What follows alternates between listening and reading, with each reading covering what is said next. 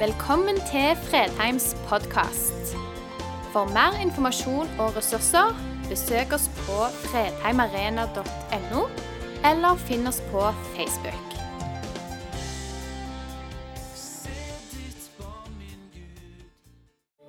I dag så viser jo kalenderen at det er første søndag i advent.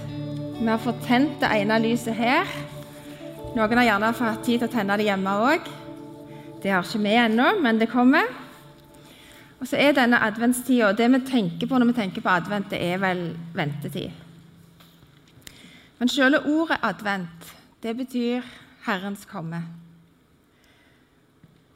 Og så er det sånn at Nå er det noen som har kalendere som ligger klar til det blir vel tirsdag, så 1. desember.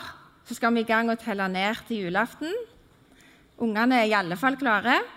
Og andre teller gjerne ned til å bli ferdige med julegaver og julebakst og alt det der som hører med i adventstida. Så syns jeg det har vært enormt kjekt med alle som har vært litt tidlig ute med å henge opp lys både på hus og i hagene og sånn. Det syns jeg har vært fint i år, for vi trenger alt det lyset som vi kan gi hverandre i denne tida.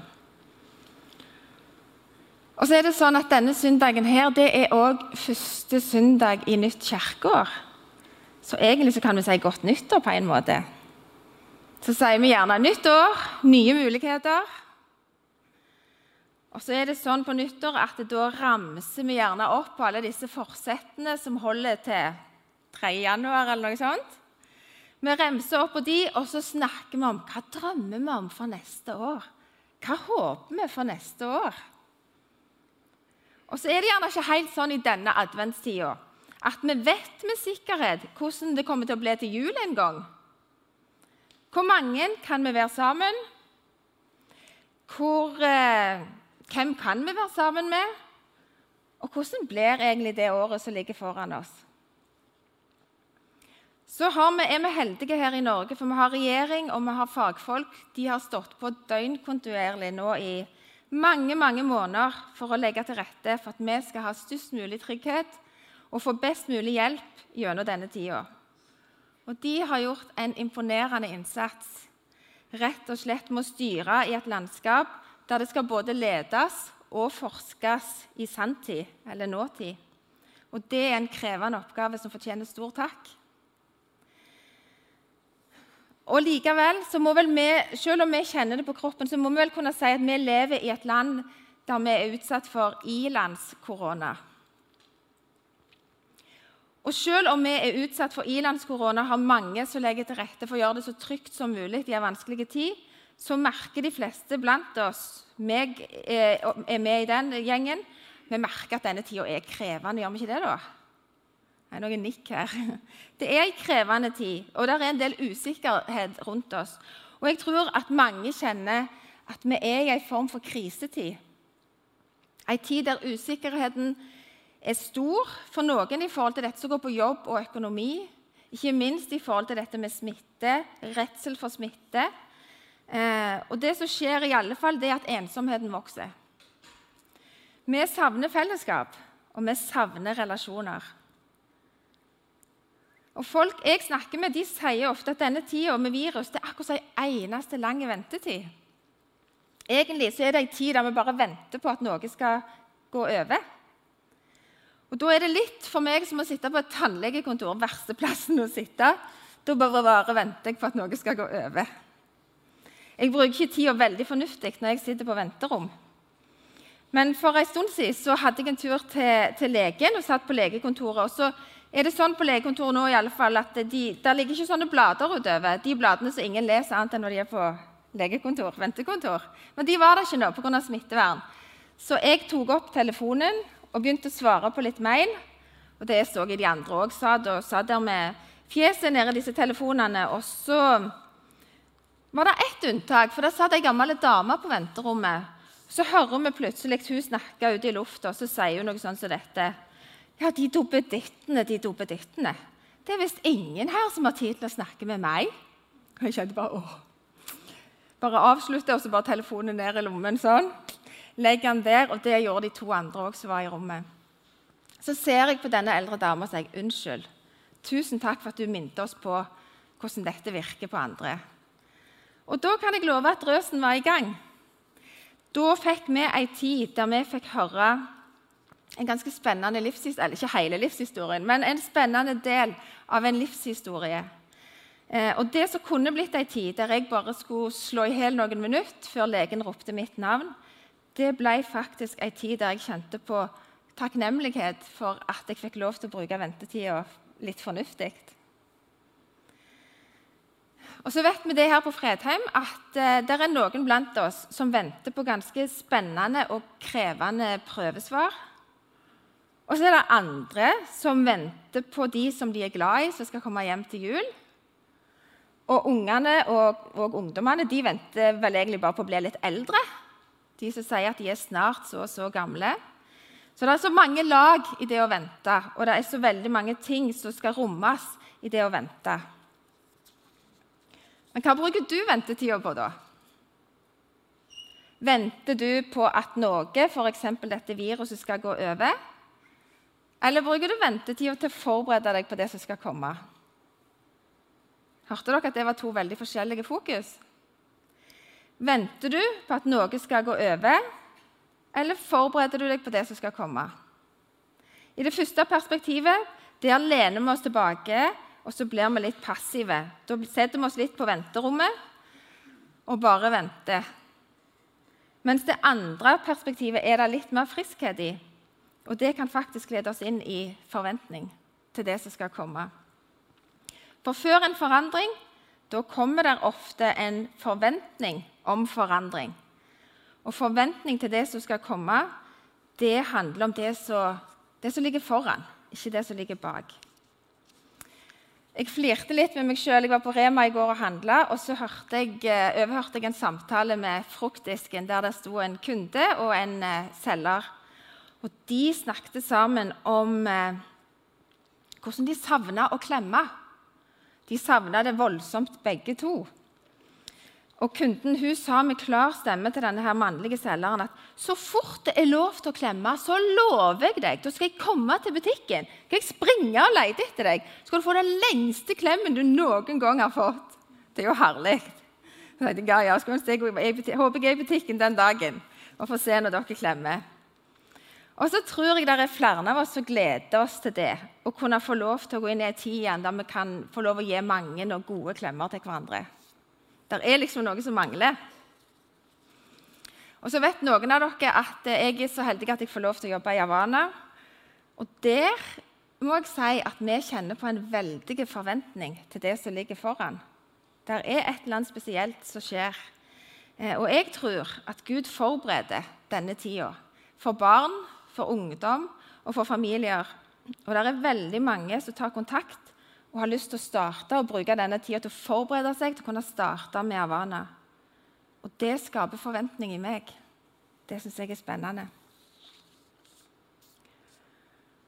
Så møter vi noen ganger mennesker som sier at de har slutta å ha forventninger til noen som helst, for da slipper de å bli såra. Og Det er forståelig, men det er jo en beskyttelsesmekanisme. da. Eh, og Den bærer vel med seg både preg av litt resignasjon og mangel på håp. Per Arne Dahl han sier det at skuffelser det er spennet mellom den opplevde virkeligheten og det vi håper på eller forventer. Og Når spennet da blir for stort mellom det vi forventer og det vi opplever, så kommer skuffelsen inn imellom der. Når jeg satt og forberedte meg i dag, så tenkte jeg på Vi hadde sånn en um, serie som kaller det, i advent for noen år siden. Så det var noen ord som dukket opp igjen. og Det var ordene innadvendt, utadvendt og oppadvendt. Så begynte jeg å tenke er det sånn at forventninger kan være innadvendte, utadvendte og oppadvendte. Ja, kanskje. Hvis jeg tenker på de forventningene som er innadvendte, altså de som peker inn mot meg sjøl, det jeg legger på meg sjøl, så tenker jeg at ja, der er det ting som kan være ganske krevende. Jeg kan være ganske streng med meg sjøl på hva jeg forventer. Eh, jeg forventer ikke sju sorter med kake. Jeg forventer bare mye av de gode sortene. Jeg eh, kan jo legge på meg forventning om strøkent hus, men det, det, gidder jeg ikke, for da vet jeg jeg blir skuffa. Så den får, den får, vi ta neste år. Men mange av oss legger òg forventningspress på oss sjøl i forhold til dette med jobb, skole, prestasjon.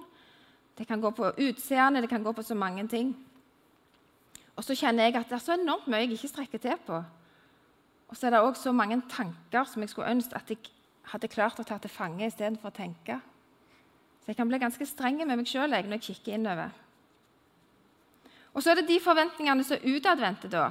Hva forventninger er det? Jo, det er de forventningene som jeg har til andre, til familien, til venner, til folk, folk rundt meg. Um, og veldig mange ganger så blir de forventningene til en god opplevelse. Det skjer mye godt i relasjoner, men noen ganger så blir det òg skuffelser. Ganger jeg tenker at ah, det hadde vært så godt å blitt forstått og sett. Det hadde vært så godt å fått lov til å låne et blikk og hvile i eller et smil å le sammen med. Og Når de forventningene som er utadvendte, ikke blir innfridd, da kan skuffelsen dukke opp. Og Det kan òg påvirke hvordan vi velger å se på hverandre og møte hverandre.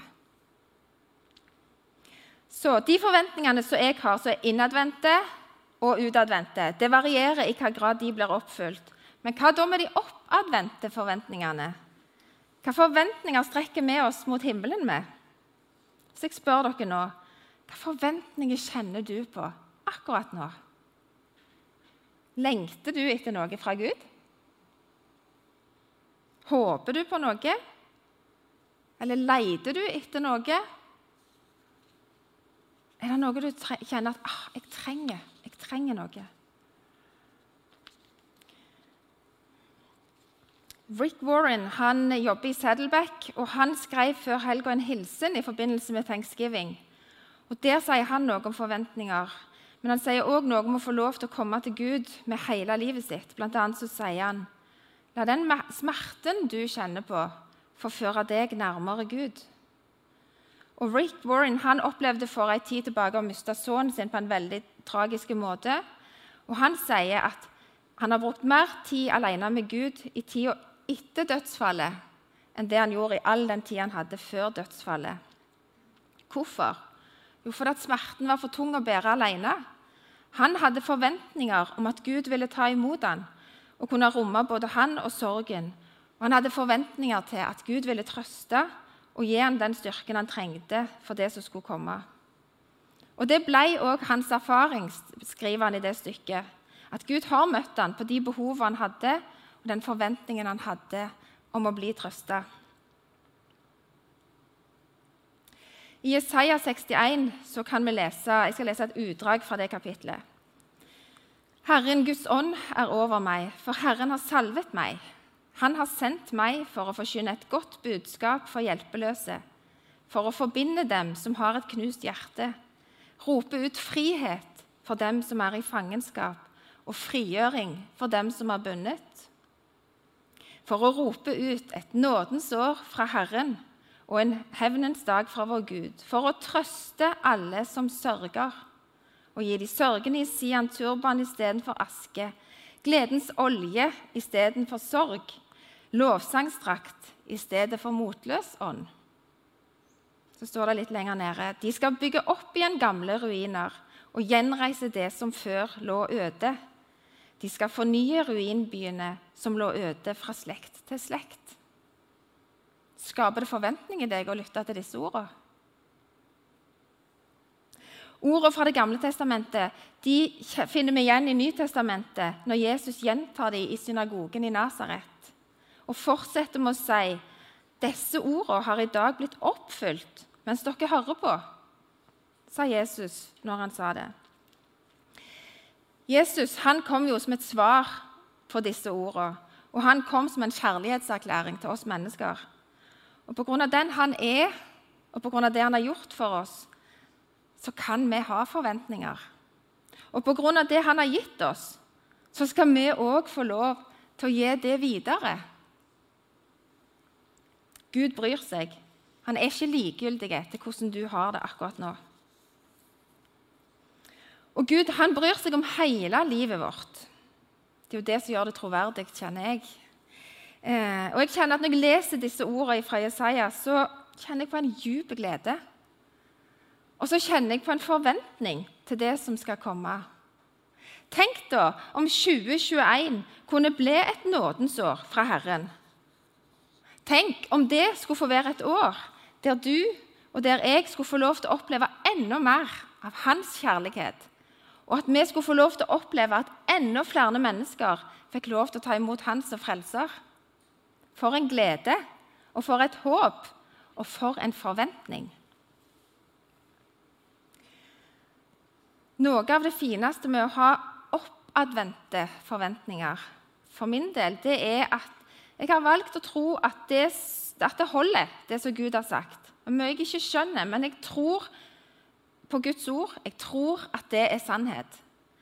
Og de forventningene som vi strekker mot himmelen, de er veldig annerledes enn de forventningene jeg har til meg sjøl og til andre. Og av handler, Mye av det handler jo om gudsbildet, hvem Gud er. Og hva sier Gud om seg sjøl? Jave. Jave. Jeg er. Ikke sant? Det er konstant. Det er fra evighet og til evighet. Og det å kunne få lov til å ha privilegiet av å tro på en Gud som har all makt i himmel og på jord, og som er større enn omstendighetene, til og med større enn virus, uansett, det gir grunn, og det gir grobunn for forventning. Uh, ja. Og så er det sånn at uh, det er mye takknemlighet i livet mitt. Men så er det òg en del hendelser. Uh, der er sorg og der er smerte som jeg ikke skjønner noen ting av. Og Jeg har et par spørsmål på lur til den dagen vi skal få møte Jesus ansikt til ansikt. Men jeg velger å stole på og ha forventning til løftene, og jeg vet at Guds nåde er nok. Jeg har forventning til ordet Jesajas om at hans tilgivelse skaper frihet. Jeg har forventning til at Gud kommer nær og trøster når vi trenger det. Jeg har forventning til at han hører bønnene våre, og at han griper inn i rette tid. Jeg har forventning til at vi kan få lov til å gå med fred inn i det som kommer. Bare i håp til Gud er min sjel stille. Fra Han kommer min frelse, står det i Salme 62 i 88-oversettelsen. Og det kjenner jeg at det kan jeg hvile i. For meg så er det nok bare i møte med Gud at jeg kan falle helt til ro. Få lov til å kjenne på håp, få lov til å kjenne på den fred som overgår all forstand. Hos Gud er det hvile. Og jeg tror at når vi starter i den hvilen, hos Herren, så blir det veldig mye lettere å holde fast på det som Bibelen lærer oss. Og de sannhetene som står, de gir jammen grunn til forventning. Jo mer vi får hvile i at Jesus er den han sier han er, og at vi slipper han til i livet vårt, jo mer så slipper vi òg håpet og forventningene til, sånn at det kan få vokse i oss. I Romerne 15 så står det må håpets Gud fylle dere med all glede og fred i troen, så dere kan bli rike på håp ved Den hellige ånds kraft.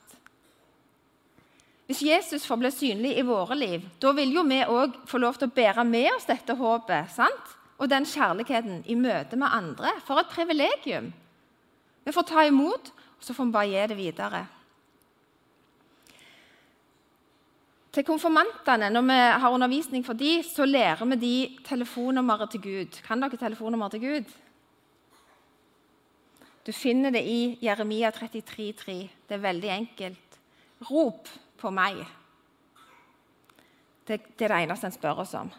Rop på meg, så vil jeg fortelle deg store og underfulle ting som du ikke kjenner til. Kan vi våge å tro Herren på det ordet? Kan det skape forventning? Ja, det kan det. Og vi kan gå adventstida i møte i trygg forvissning om at vi skal få lov til å slippe å synge sånn som så, eh, Knutsen og Ludvigsen som sang 'Kanskje kommer kongen'. Kan dere den sangen? Mm. Vi skal slippe koselige sang, men vi skal slippe å synge den akkurat i adventstida. For i den tida som vi går inn i nå, så inviteres vi til et fellesskap med Han som er kongenes konge. Han som kom, han som kommer, og han som en dag skal komme igjen. Og Vi skal snart få lov til å feire at han kom som et lite barn. Han kom for å frelse og for å sette fanger fri. Og så gjorde han tidenes comeback den dagen han sto opp fra grava og vant over synd og smerte. Og en dag så skal han igjen komme igjen. Kan krisetid òg være Kristustid? Ei tid for å søke Gud og Hans ord. Ei tid for å be og for å hvile. Ei tid for å håpe og for å glede seg i Han. Jeg tror at vi lever i en tid der vi skal få forberede oss for det som kommer. At vi skal få gå inn i den tida som kommer, med forventning som rettes mot himmelen. Så skal vi få lov til, i det vi skjønner, og i det vi ikke har kommet til rette med å skjønne ennå, så skal vi få lov til å bruke telefonnummeret og si Rop på meg, så vil jeg svare deg og fortelle deg store, ufattelige ting som du ikke kjenner til. Herre, jeg takker deg for at du var villig til å komme som et lite barn. Takk for at du kom oss nær hver eneste dag, og takk for at du en gang skal komme igjen. Må du få skape forventning i oss og blant oss til det som ligger foran. Herre, kan du hjelpe oss til å være noen sitt bønnesvar i denne adventstida? Kan du hjelpe oss til å se hverandre og hjelpe oss til å se deg? Måtte krisetid få lov til å bli Kristustid i våre liv sånn at vi kan få søke deg og strekke oss mot himmelen, og at vi òg kan få lov til å strekke oss etter det som ligger foran. Amen.